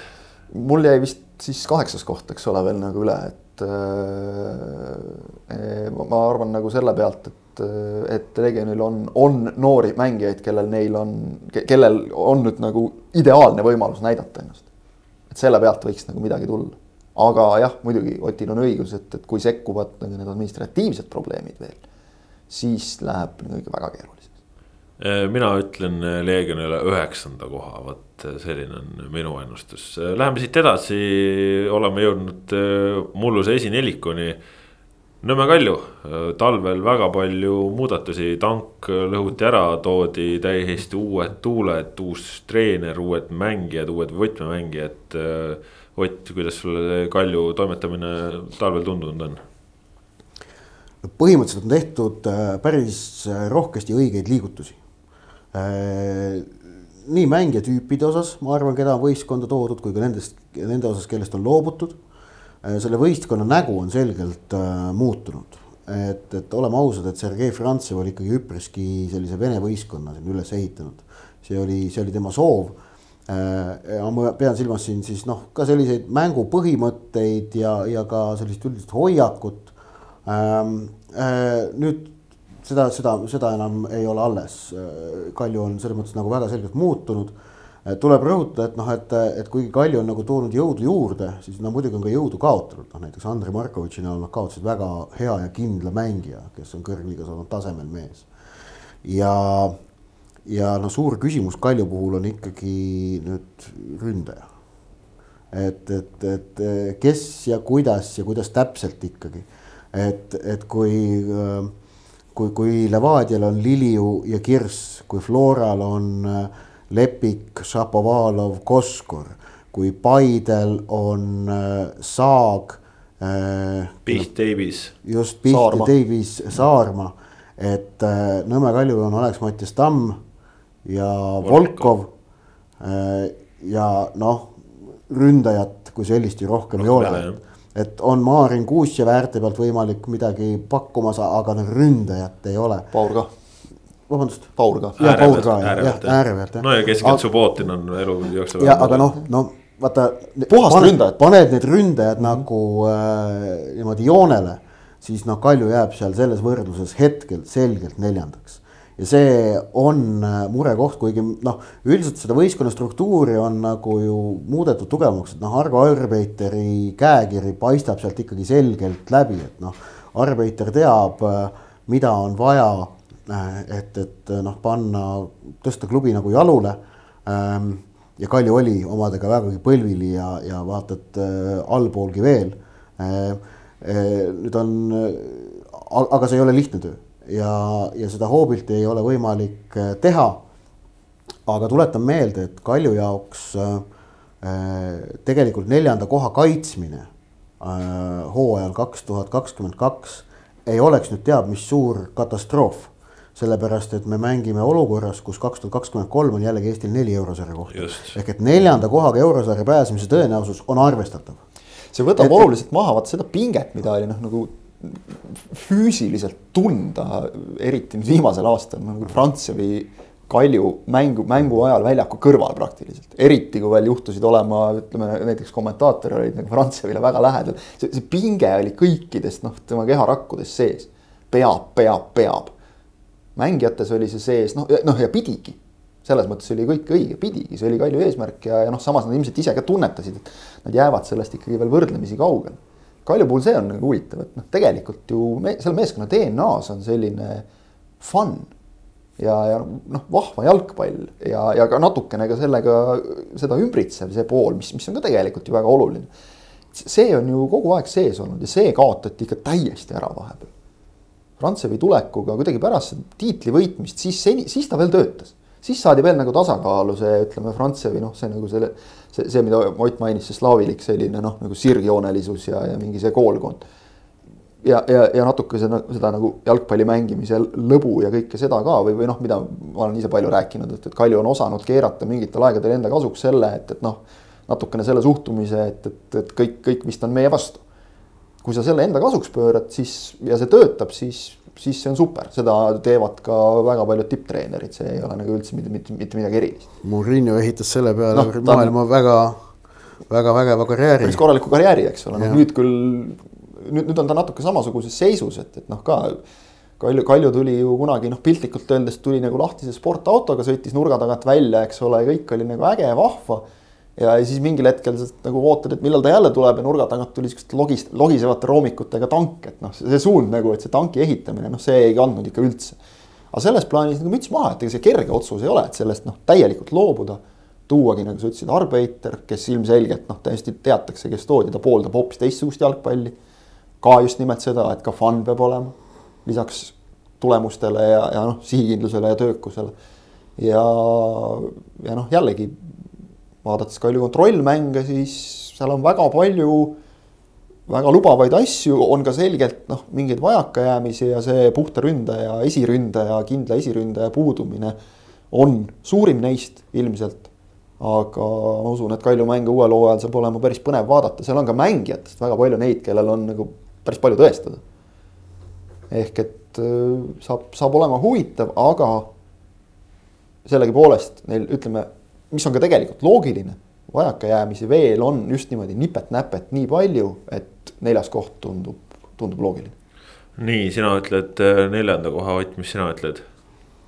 neljas koht, jah mina ütlen ka neljas koht, äh, mulle väga meeldib, mida Kalju on talvel teinud. aga, aga ma rõhutan, et, et selline neljas, mitte selline sees. neljas nagu eelmine hooaeg, kus nad olid esikolmikus pikalt maas, vaid neljas, kus nad on noh, medalimängus ütleme sees ja suudavad esikolmikult võtta punkte hooaja jooksul ja, ja niimoodi noh ja ma ise arvan ka, et väga-väga äh, sümpaatne, mida Kalju teinud on talvel ja, ja ma loodan, et nad jätkavad samas taktis ja, ja no tore on see, et kui siin vahepeal tõesti nende välismaalastega läks, läks ju ka niimoodi, et noh. ei olnud sealt seda kvaliteeti ja, ja nii edasi, ju, et siis praegu on väga palju Eesti mängijaid võetud, noori Eesti mängijaid ja, ja, ja see on väga kihvt. Aga läheme edasi, Paide linnameeskond, uued tuuled, äh, Slava Zahhovaiko vahetati Karel Voolaidi vastu ja, ja kuidas sulle tundub Kanguri see olukord seal? noh, lubav, lubav, ma ütleks, ma siin ühes teises ennustuspakkumises läksin suisa avantüüri peale välja Paidet arvestades, Paide on sel hooajal üsna selge must hobune, ma ütleks, kui me võtame siin nagu esikolmiku konkurentsi. Et äh, esiteks on neil, no ma ikkagi, ikkagi ütleks, et noh, nagu mõnevõrra vähem pingeid. noh, et kui me räägime tiitliheitlusest, Paidelt noh, nagu ei nõua seda keegi, oodata ja unistada, noh, võib ja peabki, aga neilt ei nõua seda keegi. Floras ja Levadias on see nõudmine nagu väga selgelt olemas. Karel Voolaidil on äh, parimas mõttes, ma usun, tohutu suur tõestamisvajadus. sest et äh, noh, eks me oleme seda ennegi arutanud, et vaata koondise treenerit on selles mõttes jube raske hinnata, et eh, noh, hinnatakse ikkagi tulemuste pealt. ja tulemuse tegemiseks on sul väiksed kindlad aknad. ja, ja noh, ütleme siin neid voolaidi aknaid ka erinevad asjad nagu, nagu raputasid, eks ole, ja, ja, ja lõhkusid natuke. et äh, koondis oli väga halvas seisus, noh, sul ei ole nagu aega protsessiks. nüüd tal seda on ta on, tal on nii palju kogunenud seda aastatega teisi töid tehes ka seda teoreetilist kogemust, et selle praegu praktikasse rakendamine, ma, ma julgeks arvata, on tema jaoks ülimalt mõnus. ta on ka väljakutse, aga ta on, ta on ülimalt mõnus, eriti kui arvestada, et tal on Paide näol käes ikkagi noh, Eesti mõistes tippmaterjal. et, et mind väga huvitab, kuidas see, kuidas see asi jooksma hakkab seal. Ott, kuidas sulle? Paide on väga huvitav just, ta on, ta on tõesti väga huvitav näha, mida nüüd äh, Karel Voolaid suudab äh, klubi peatreeneri ametis premium-liigas korda saata. Paide materjal on, on korralik, struktuur on äh, paigas. see, et klubi on oma kontori poolele toonud inimesi, kes ei ole küll otseselt üldse esindusvõistkonna tegemistega seotud, aga, aga see on ka asjaolu, mis võib muuseas ikkagi klubis lõpuks kumada läbi ka esindusvõistkonna tulemustesse, meeleolusse ja esitustesse see on see, millest näiteks mulle FC Flora eelvaadet kirjutades rääkis Flora president Pelle Pohlak, et, et kui sul on, kui sul klubis on selline hea töömeeleolu, siis ka see on asi, mis lõpuks nagu esindusvõistkonda mõjutab. et Paide selles mõttes on minu meelest teinud äh, talvel äh, head tööd äh,. aga, aga nüüd äh, rääkides sportlikust poolest, siis kas me näeme, et Paide on teinud äh, selliseid lükkeid, millega võtta kinni vahemaa Levadia ja Floraga siis seal ma kahjuks pean vastama eitavalt, ehk et ma arvan, et nad on medalimängus küll sees. Nad võivad edestada Florat või Levadiat, aga nad ei edesta, nad ei edesta mõlemat. et selle jaoks ma, ma ei näe reaalset sellist nagu, no ma ei tunneta seda reaalset varianti, et see noh alati mingi võimalus see on, aga see protsent on nii väike, et seda ma nagu kaaluma ei hakka. et, et ei, ei, ei tundu nagu tõenäoline, nii et noh, Paide selles mõttes ma arvan, et saab kolmanda koha, see on minu loogiline ennustus, et ta saab kolmanda koha.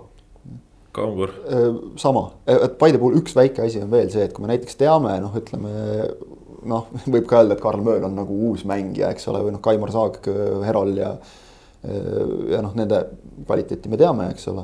ja, ja Robbie Saarmaal noh, ka teda väga huvitav vaadata, et, et tegelikult unustame ka selle, et, et Paidel eelmisel hooajal nii mõnigi põhimees oli ju tegelikult vigastustega hädas päris palju, et noh, tõenäoliselt Raimond Heino oleks mänginud suuremat rolli, noh, Siim Lutsust ei räägi üldse, eks ole, et, et eh, väga palju sõltub sellest, kuidas need mehed terved püsivad eh,. tehti ju tegelikult noh, päris korralik reha ka meeskonnas just eh, nende mängijate osas, kes olid nii-öelda noh, langenud nagu kas rollimängijateks või siis nagu päris ikkagi tõesti noh, jah, ikkagi rollimängijateks, vahetusest sekkujateks suur küsimärk on nüüd see, et noh, Henri Anier on tegelikult asendatud nagu mitme mehega, et, et kuidas see kokku hakkab klappima kõik. Kaimar Saak peaks olema väga motiveeritud, Saarma oma eelmise hooaja esiliiga väravate pealt noh, kindlasti tahtmist täis ennast tõestada aga noh, Premium-liiga ei ole esiliiga. aga Henri Anier on. aga Henri Anier on Henri Anier. on Eesti koondise ründaja, kes noh ja, ja üks oluline asi on nüüd veel, Davies näiteks on näidanud ennast väga heast külgedest, väga heast küljest kontrollmängudes, et kui tema teeb nüüd väga hea hooaja, siis sealt on nagu tohutu relv juures. aga väga suur küsimärk on nende noorte mängijate osas, kes toodi. et nemad kindlasti ei ole nagu selle hooaja projektid, aga samas võib keegi neist sähvatada, et tegelikult ka nemad on kõik näidanud kontrollmängudes, et noh, nagu teravat jalga neil on et, et kui sealt nüüd tekib see nagu, noored suruvad neid põhikoosseisu on ikkagi suhteliselt paigas ja need noored noh, pigem nagu sinna sirgelt sisse, sirge seljaga sisse ei kõnni praegu veel. et kui nemad suudavad tagant nagu suruda ja tekib selline hea keemia ja jällegi seesama see sisemine konkurents.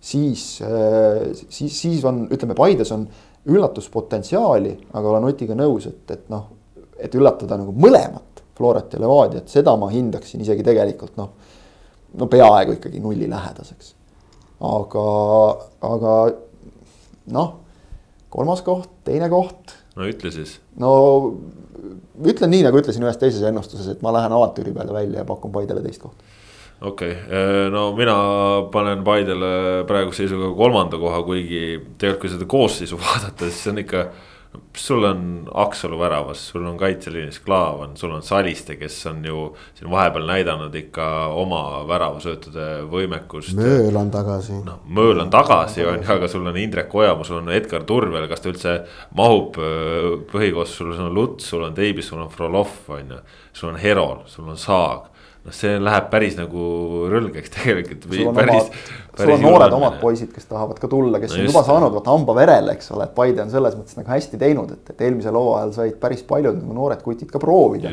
et, et noh, nad teavad juba, et okei okay,, mul on noh ja said hakkama seejuures, et nad teavad, et okei okay,, mul on nagu seda võimekust, et noh, kui ma nüüd olen mehe eest väljas, siis ma saan oma võimaluse ka. aga, aga ma arvan, et kaitseliin on võib-olla, kui otsida Paide nõrka kohta peale siis ütleme Anieri lahkumise, siis kaitseliin, võib-olla ütleme, kaitseliini sügavus võib olla natukene selline, sellega neil on eelmistel aastatel olnud probleeme. sel aastal noh, ka mõni mäng on olnud selline noh, ikkagi väravaid on ka sisse tulnud, et no, aga, aga samas kõik ei ole jälle, kõik põhimehed ei ole mänginud, et, et noh no,. sel aastal väga raske hinnata. suurim küsimus on lihtsalt see, et kellest kujuneb lõpuks Ragnar Klavani partner ja kui hea ta on, et ega seal muud äärte osas ei ole küsimust, Klaavani osas ei ole küsimust, nii et küsimus on selles ühes nullis seal. no ainult saab olla Klaavani tervisliku vastupidavuse osas. aga, aga ta on saanud nüüd korraliku hooaja ettevalmistuse kaasa teha, noh niivõrd-kuivõrd me praegu olust-, praegustes oludes saame sellest rääkida. nii, kaks kolmandat kohta, üks teine koht. Äh, mullu lõpetas äh, teisel kohal FC Flora. Äh, Ott, mis sulle FC Flora talvel tundub, et teinud on, Sapinen läinud, Igonen läinud, Kuusk läinud jah, läinud, mis läinud. aga vaatasin reedel Flora mängu Levadia vastu ja ei täheldanud teab mis suurt muudatust eelmise hooajaga. ehk et mänguline pool, ma usun, Floral on jätkuvalt tugev. Flora keskväli on igasuguse kahtluseta Eesti kõrgliiga parim. Flora ääred on igasuguse kahtluseta Eesti kõrgliiga parimad, et see on nagu noh, kindel, kindel mats. Neil on jätkuvalt A-koondise kvaliteeti ka kaitseliinis Äh, et on, on nagu noh, küsimärk siis selles, et kas, kas, kas väravahul leitakse Igonenile vääriline asendus. kuigi ma samas natukene. vaatasin, sa läksid päris ambitsioonikalt, panid Grünwaldi põhiväravahiks. no ma ütlen selle pealt, mida nagu Jürgen Henn pärast reedest mängu mulle ütles seal intervjuus, siis ma nagu tundub, et Grünwald saab praegu hooaja alguses võimaluse, noh teda kiideti superkarika finaali eest igatahes. no ja, ja. Poplavskis on vigastatud, on ju. ma ise pakun, et Nõmm on, saab ikka selge esinumber olema. mulle, mulle, mulle tundub, et Grünwaldile taheti anda lihtsalt äh, seda olu, seda võimalust, et, äh, et kui Nõmmega midagi juhtub ja, ja Poplavskis on vigane, et siis ta teab korraks, mis asi see tippjalgpall on. et no Nõmm, et Nõmm eelmise hooaja ootas seda teine võimalust. küsimus on, on ju siis ikkagi noh, edurivi, aga Lepik, Koskor, Šapovalov kolmiku näol, seal on ikka variatsiooni kõvasti. et võimalik, et Floral ei kerki sedapuhku nüüd ründajat, kes lööb ise kakskümmend pluss, aga et need kolm meest igaüks äh, on võimelised äh, tegema sellise viieteist väravalise hooaja ja no ütleme, vähemalt kaks tükki neist kindlasti ka teevad, ma arvan. Et, et see võib olla see siis, kuidas lahendatakse ära edurivi, et, et tegelikult eelmist hooaega meenutame Floral seda edu ründaja positsioonil, sellist valikut ei olnudki, oli ju aga kas nad omavahel ütleme selles, kui, kui sul ongi, sul on kolm venda, sul on üks koht, et, et see mänguaja nappus ja et kas sa leiad selle siis kindluse, et sa hakata lööma, sest et väravaid lüüa, sa pead enesekindel olema. kui sa üks mäng mängid, siis sa ei saa järgmises vahetusestki peale, et. see on, see on noh, see on kindlasti üks, üks ülesanne, mida Hennile Henni Lindermitel postil tuleb lahendada. Aga, aga selles mõttes ma nagu, ma olen korduvalt siin igal aastal siin ka podcast'is öelnud, et mina olen nagu jalgpallis ikkagi protsessi usku inimene. ja, ja, ja et, et see pikas plaanis toob nagu protsess toob edu komplekteerimise ees. ja ma arvan, et see Flora protsess on jätkuvalt Eesti kõrgliiga parim. ja, ja sellepärast ma ennustan neile ka meistritiitlit ning äh, noh, meenutan, et nad eelmine hooaeg jäid küll ilma, aga nad jäid ilma ikkagi ülinapilt. Äh, ja me teame kõik, mis olid nagu nende takistused, et lisaks konverentsiliigast tulnud, tulnud, tõusnud suuremale mängukoormusele. said ka nemad tegelikult koroona isolatsioonidega kõige valusamalt pihta kõrgliiga klubidest. Kangur, sul mingeid mõtteid lisada sellele jutule? võib-olla nii palju, et just see vaimne pool et noh, eelmisel hooajal, eelmise hooaja kogunenud teatav võib-olla vaimne väsimus, noh, võib mingil määral hakata sel hooajal nagu tagantjärgi välja lööma. juhul, kui asjad ei lähe. kui nad lähevad, siis noh, ma arvan, et, et Flora sisemine motivatsioon püsib nii kõrgel, et, et seal ei teki probleemi. ma tooks võib-olla ühe huvitava punkti veel välja ja seda mitte nii, et, et kuidas, vaid et kas, kas on vaja hakata ja kas see üldse kujuneb nagu mingiks küsimuseks või teemaks.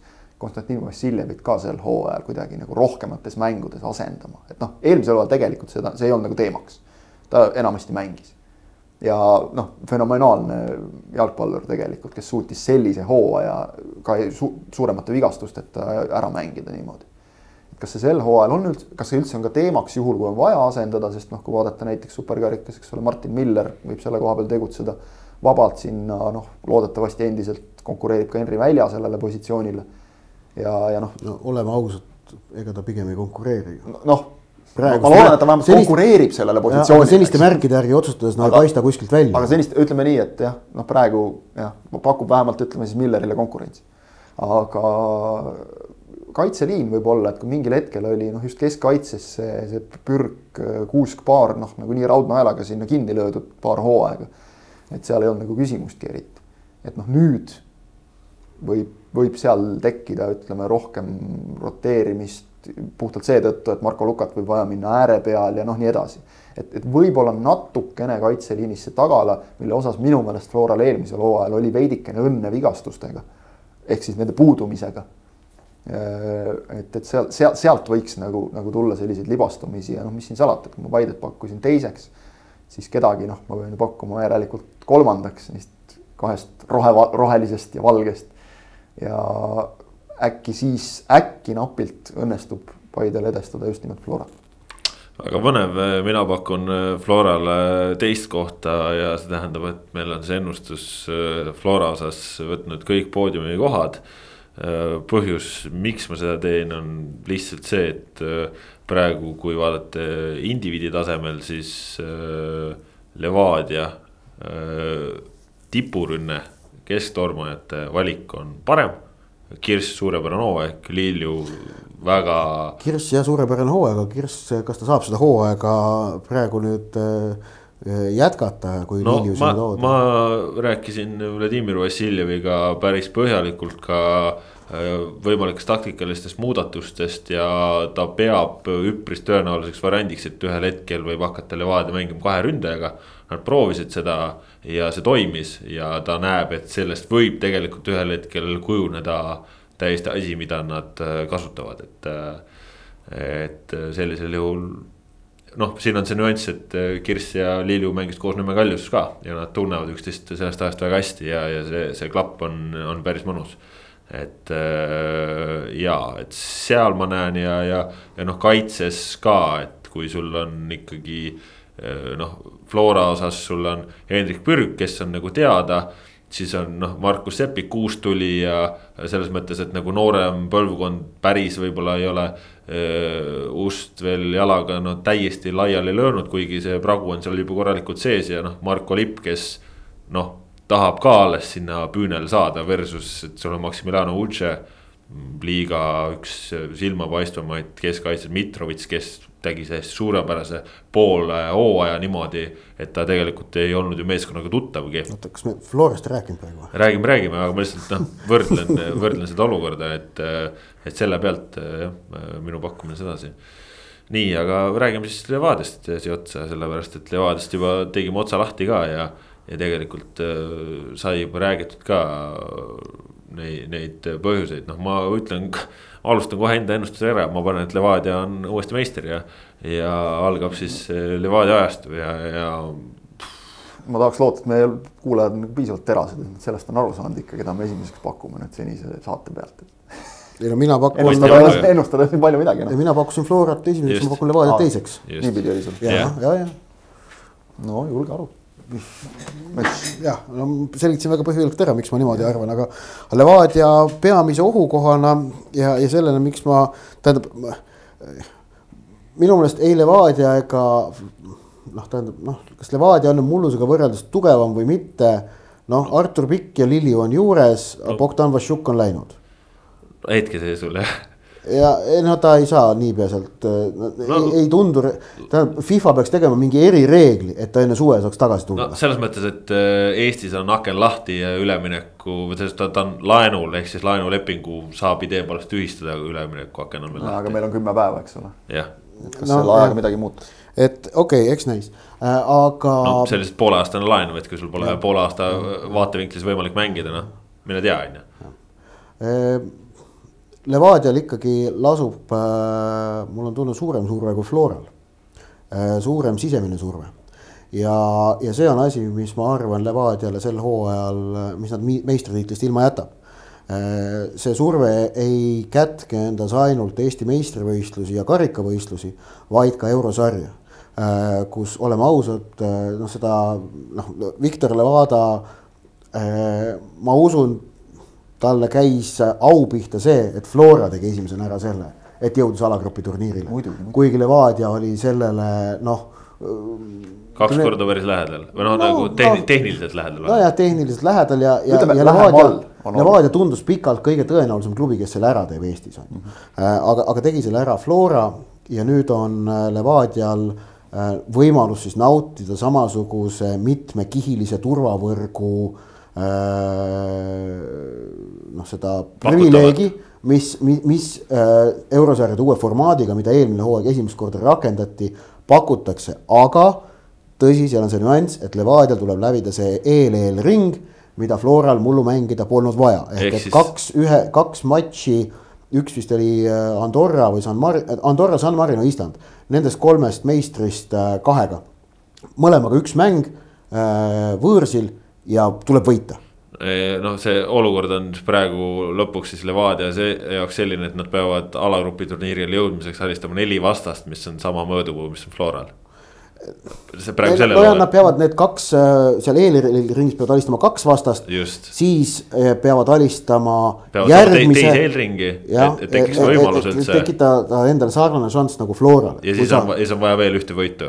jah, siis veel, aga kui sa selles esimeses eelringis kaotad siis sa pead alistama äh, kaks, veel, ei kolm vastast, et alagruppi pääseda, siis sa langed siis kohe konverentsi liiga teise eelringi mm. -hmm. et, et seal on see, et esimene eelringi läbimine on ka veel eraldi tähtis. ehk et Levadial on selles mõttes nagu noh, keeruline, on keeruline. no, noh, ütlen, ongi täpselt samamoodi, et sa, sa peadki neli vastast alistama, mis on teekond, mis on Floral, kes hakkab lihtsalt konverentsiliiga. seal ma ütlen seda ka, et neljast vastasest ei pruugi piisata. kui nad kaotavad kolmandale vastasele, siis nad peavad viis vastast alistama no jah, et. et alagrupi jõuda, et seal on, seal on see nüanss, nii et ja, ja ma arvan, see eurosaar, et noh, see tundub väga ebatõeline, et Levadial see õnnestub ja sellest äh, tekkiv surve, pinge. Äh, see on asi, mis ma arvan, Levadiale sel hooajal saatuslikuks saab. mulle tundub, et. ja, on... ja et sellepärast nad meistriks ei tule ja et noh ja, ja teine asi on see, et, et, et ma nagu arvan, et need noh, et, et seal ei ole erilisi Äh, kaalukausse, mis nagu muid kaalukausse, mis teeksid Levadia minu silmis Florast nagu meeskondlikult tugevamaks, et noh, ma tuletan endiselt meelde, et. Äh, et, et Ojamaa ja Zenjovi sugust kvaliteeti äärtele Levadial võtta ei ole. no nendel pole ka vaja, nende mänguplaan ei nõua seda, kui sul üks äär. mänguplaan on veel üks asi. kui su, kui su üks, kui su tegelikult sul lõpuks, kui sul ääred on Artur Pikk, koondislane mm -hmm. ja, ja Frank Liivak, noh, ei ole ka paha ja mängu, mänguplaan on jah veel, veel teine asi, et, et noh. mänguplaan Levadial minu meelest, kas kas, kas ei ole mitte nii, et seda hakatakse üha paremini läbi hammustama rivaalide poolt? noh. osatakse raske... hakkama saada selle Putinžanini ja, ja, ja Lepistu pakutava selle agressiivse keskväljaga, osatakse paremini vaigistada Beglarashvilit selles süsteemis no see ma ütlen selles mõttes ei tea vaata, et kuidas see hooaeg äh, peale hakkab, et äh, üks asi, millega Levadia talvel palju tegutses, on äh, kaitsemäng. mis ju eelmisel aastal nendel olid, need pakid tulid sisse. Nad ise arvavad, et nad on leidnud sellele lahendusi, noh muidugi. kui ma küsisin ka asjaosalistelt, et kas nad ongi mõelnud selle peale, et vastane juba teab, mis nad teevad, vastane ka suhtub nendesse kui meistrisse. aga ei, nad usava, usaldavad oma filosoofiat, usaldavad oma teed ja, ja lihtsalt see on vaja viia perfektsuseni. usaldavad küll, aga vaat siin on see konks, meil hakkas mingisugune laulupidu akna taga järsku mm. -hmm. hetkel ei saagi aru täpselt, kust, aga noh, ilmselt valmistutakse juba koondise mänguks. aga siin on jälle ju see, et, et ega Levadia treenerid ei ole ka lollid, et noh, nad ju nagu teavad seda ohtu. et noh, okei okay,, sa lähed oma asja peale suruma nagu, eks ole, oma filosoofiaga, aga aga noh, sa ei saa nagu taktikaliselt ühte sama asja kogu aeg suruda. nüüd oleme näinud, et äh, kui eelmisel aastal mängiti nii, et kolmene tagaliin ja mõlemad ääred olid väga ründavad, siis nüüd on Artur Pikk, kes on noh, selgelt ikkagi kaitsva suunitlusega mees. Äh, sa mainisid juba seda, et et äh, võib-olla kasutada kahte ründajat, eks ole, proovida midagi varieerida. Äh, suur küsimärk on kindlasti selles osas, kas Sakarja Pilarišvili teeb samasuguse hooaja nagu, nagu eelmisel aastal. no enne eelmist hooaega küsisime ka eks ja ole, kui me täpselt. vaatame Sakarja Pilarišvili karjääri statistikat, siis ei ole olnud näha hooaega, kus ta ei teeks seda ära. eks ole, et noh, lihtsalt see, et, et need numbrid on nii kõvad, et kas ta suudab seda taset hoida, seni on suutnud. ehk et äh, kahetine küsimus ka selle, selle surve ja pinge osas just, et, et noh, jällegi mõnes mõttes on ju koduliigas pinge maas. saadi oma tiitel kätte, seda survet enam ei ole, saad võib-olla natuke rohkem noh, nagu nautida asju. Levadial on, kui me räägime sellest just nimelt, rääkisime siin enne sellest kontori poolest ja kogu sellest noh, nagu staff'i poolest, eks ole. treenerite tiim, noh, oleme isegi siin natuke nalja visanud, et on tohutult suur aga noh, teisest küljest, kui sa tahad nagu tippklubi olla, siis ta peabki sul olema suur, et ega Floral ei ole ta väiksem tegelikult, pingil on võib-olla vähem inimesi, tegelikult noh, nagu ikkagi töölõigud, mis on ära jagatud, need on jupitatud palju väiksemateks kui siin tabeli ütleme kasvõi isegi keskmikel. et noh, mingisugused sellised, sellised võimalused ikkagi nagu tekivad. aga, aga, aga nüüd, nüüd ongi see küsimus, et kui palju annab juurde nagu see pinge, et noh, peab, peab, peab, peab hoidma seda taset, peab hoidma seda meistritaset, peab hoidma äh, fookust eurosarjal ja samas, kui, kui palju on võib-olla sellest pingest nüüd midagi nagu maha läinud ja, ja sellega koos võib minna ka natukene väiksemaks mingisugune sportlik viha, noh, see on kõik teooria.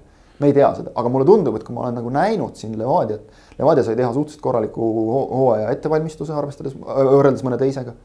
ja, ja, ja nii palju, kui on õnnestunud näha, noh nagu Levadia meeskonda, siis see meeskonna vaim, see tundub seal olevat kuidagi noh, heal tasemel ühesõnaga, et ka taustajõudude ja kõigi nende osas, et, et seal, seal nagu nauditakse seda, et noh, on tehtud, sul on antud kõik võimalused teha nagu korralikku tööd. et kui nüüd kuskilt ei tule nagu see pinge sisse, mis noh, jälle nagu selja kangeks tõmbab, siis Levadial on, on, on head võimalused, ma arvan, ka tegelikult eurosarjas, kas alagrupi turniirile jõuda või mitte, seda on väga raske öelda, sest on nii palju astmeid ja see sõltub nii palju sul vastasest.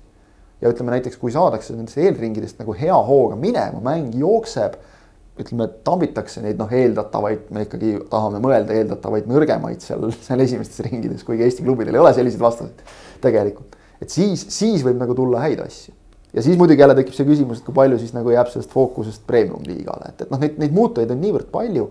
aga ma miskipärast arvan, et, et see või võib-olla natukene kaalub üles just see eelmise aasta tiitliga pingest vabanemine, need muud mured.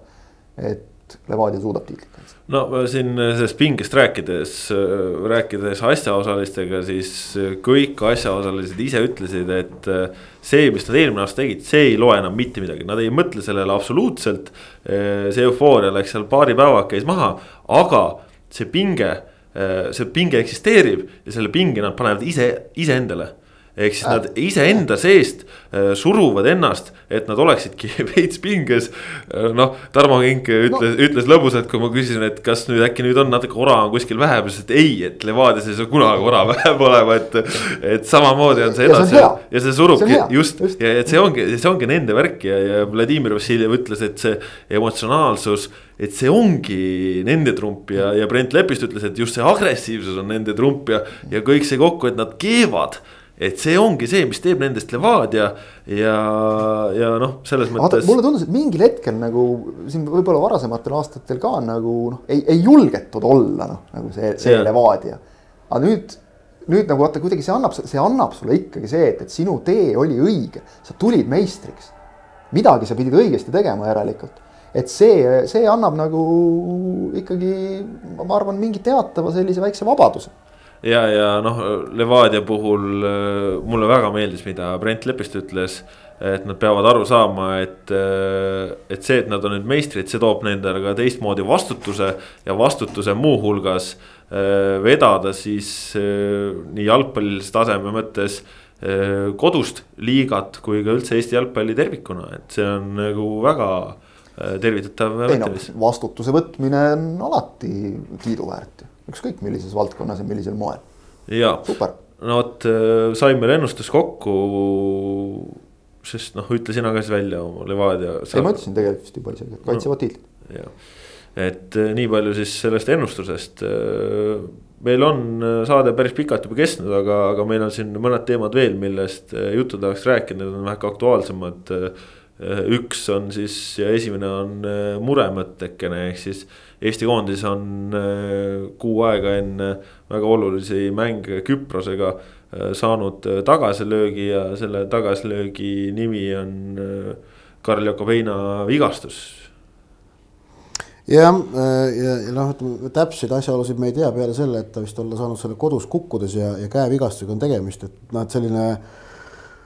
noh, tohutu ebaõnn on selle asja nimi ja, ja neetult äh, neetult kahju, et okei okay,, üks asi, Eesti koondis kaotas nüüd jälle esiväravahi ja noh, okei okay,, heinata saime novembris hakkama, Matu Igonen tegi korralikud mängud ja Igonen alustas ka nüüd Poola esiliigas nullimänguga, et et meil on hea varumees äh, võtta, selles, see on, see on nagu, see on nagu selle asja, aga, aga ka ainukene positiivne külg.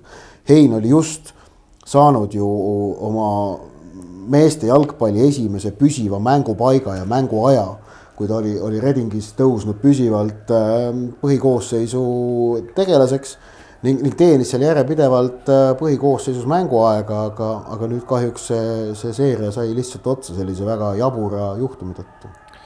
ja noh, selles mõttes jah, kõige hullem ongi see, et, et ta sai just, just nagu mängima ja, ja noh, tõesti Redingul läks ka ju hästi, et nüüd ilma Heinata uuesti mindi kohe kehvemat rada pidi et.... No, Reidingul on üldse vist mingisugune lühter kirikusse viimata, sest ega neil hein võeti ka sellepärast, et seal oli eelmiste meestega oli täitsa nagu ootamatuid probleeme, et, et kahju, pagana kahju, et, et noh, tõesti jah, põhiline on see, et Igonen saaks mängida selle mäng, koondise mänguni jäänud aja jooksul, et tal oleks mängupraktikat, sest noh, varem me võisime nagu suhteliselt kindlad olla, et noh, okei okay,, et seisab siis premium-liigas Flora väravas Igonen ja saab oma mängupraktika kätte ja, ja küll ta hakkama saab, aga. aga et noh, peaasi, et tema nüüd ei, ei kukuks pingile.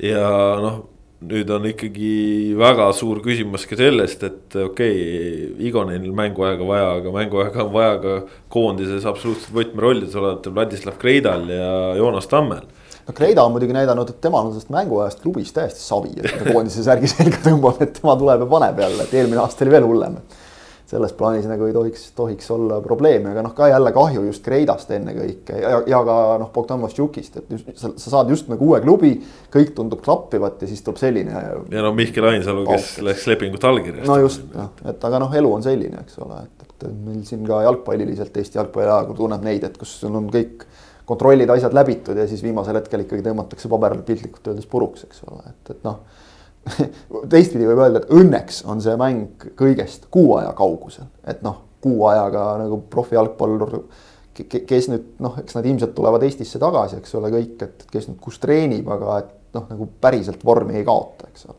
hooaja ettevalmistus või siis ütleme, hooaja noh, ukrainlaste puhul hooaja teise poole ettevalmistus on nagu noh, tehtud, eks ole, korralikult, et et, et noh, vast, vast nagu päris nulli ei kuku omadega ja, ja noh, tõesti ei saa ju välistada, et, et siin tekib mingisuguseid olukordasid, kuna paar nendest mängijatest olid ju ka laenulepingutega Eesti klubidest ja Eestis on veel üleminekuaken lahti ja. ja, ja võib-olla siin leitakse väga huvitavaid variante, et kus keegi saab nagu ennast siis mängimas hoida ja eks näis.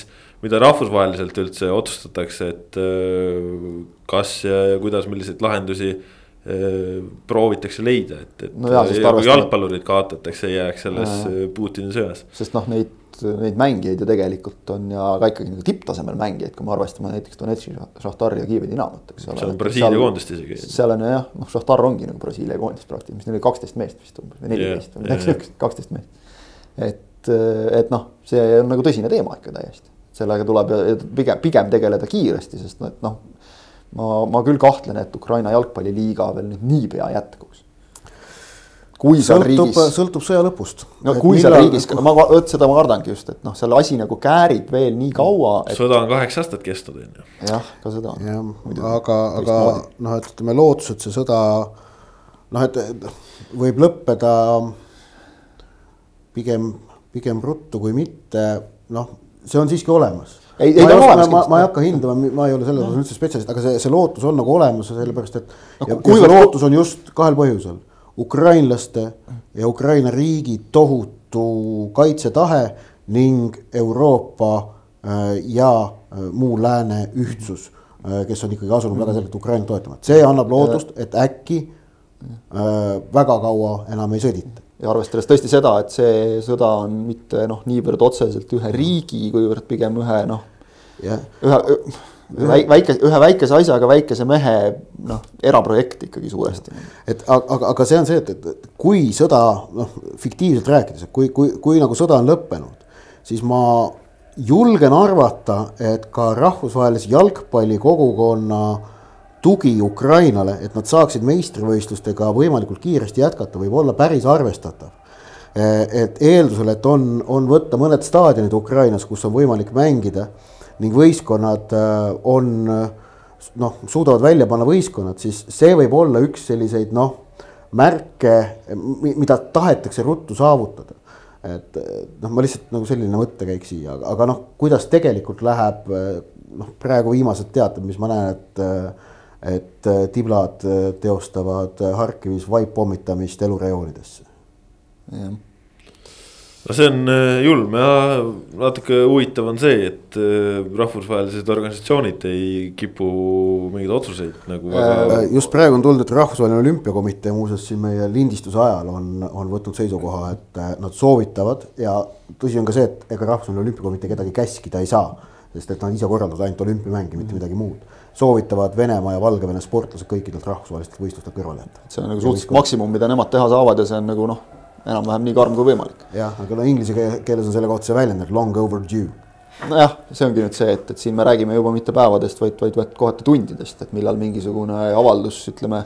noh, kas nüüd peaks tulema, aga võiks ja, tulla. ja ka Eesti Jalgpalliliit on siis äh, on siis öelnud äh,, ma võin öelda saate lihtsalt Postimehele, et et äh, nad, äh, nad äh, toetavad toetavad seda Rootsi, Poola ja Tšehhimaa jalgpalliliitude seisukohta ja on veendunud, et FIFA eemaldab Venemaa ja Valgevene rahvusvahelisest jalgpallist. kiiduväärne. jah, aga mulle oleks väga meeldinud ja ma oma arvamusartiklis, mis on Sokerates tänapäeval avaldatud, andsin ka mõista. et seda oleks Eesti Jalgpalliliit võinud öelda ise, mitte küsimise peale. jah, nõus et, et see, ütleme, kirjutada sisuliselt üks lause, et oleme nende sinu nimetatud alaliitudega nõus.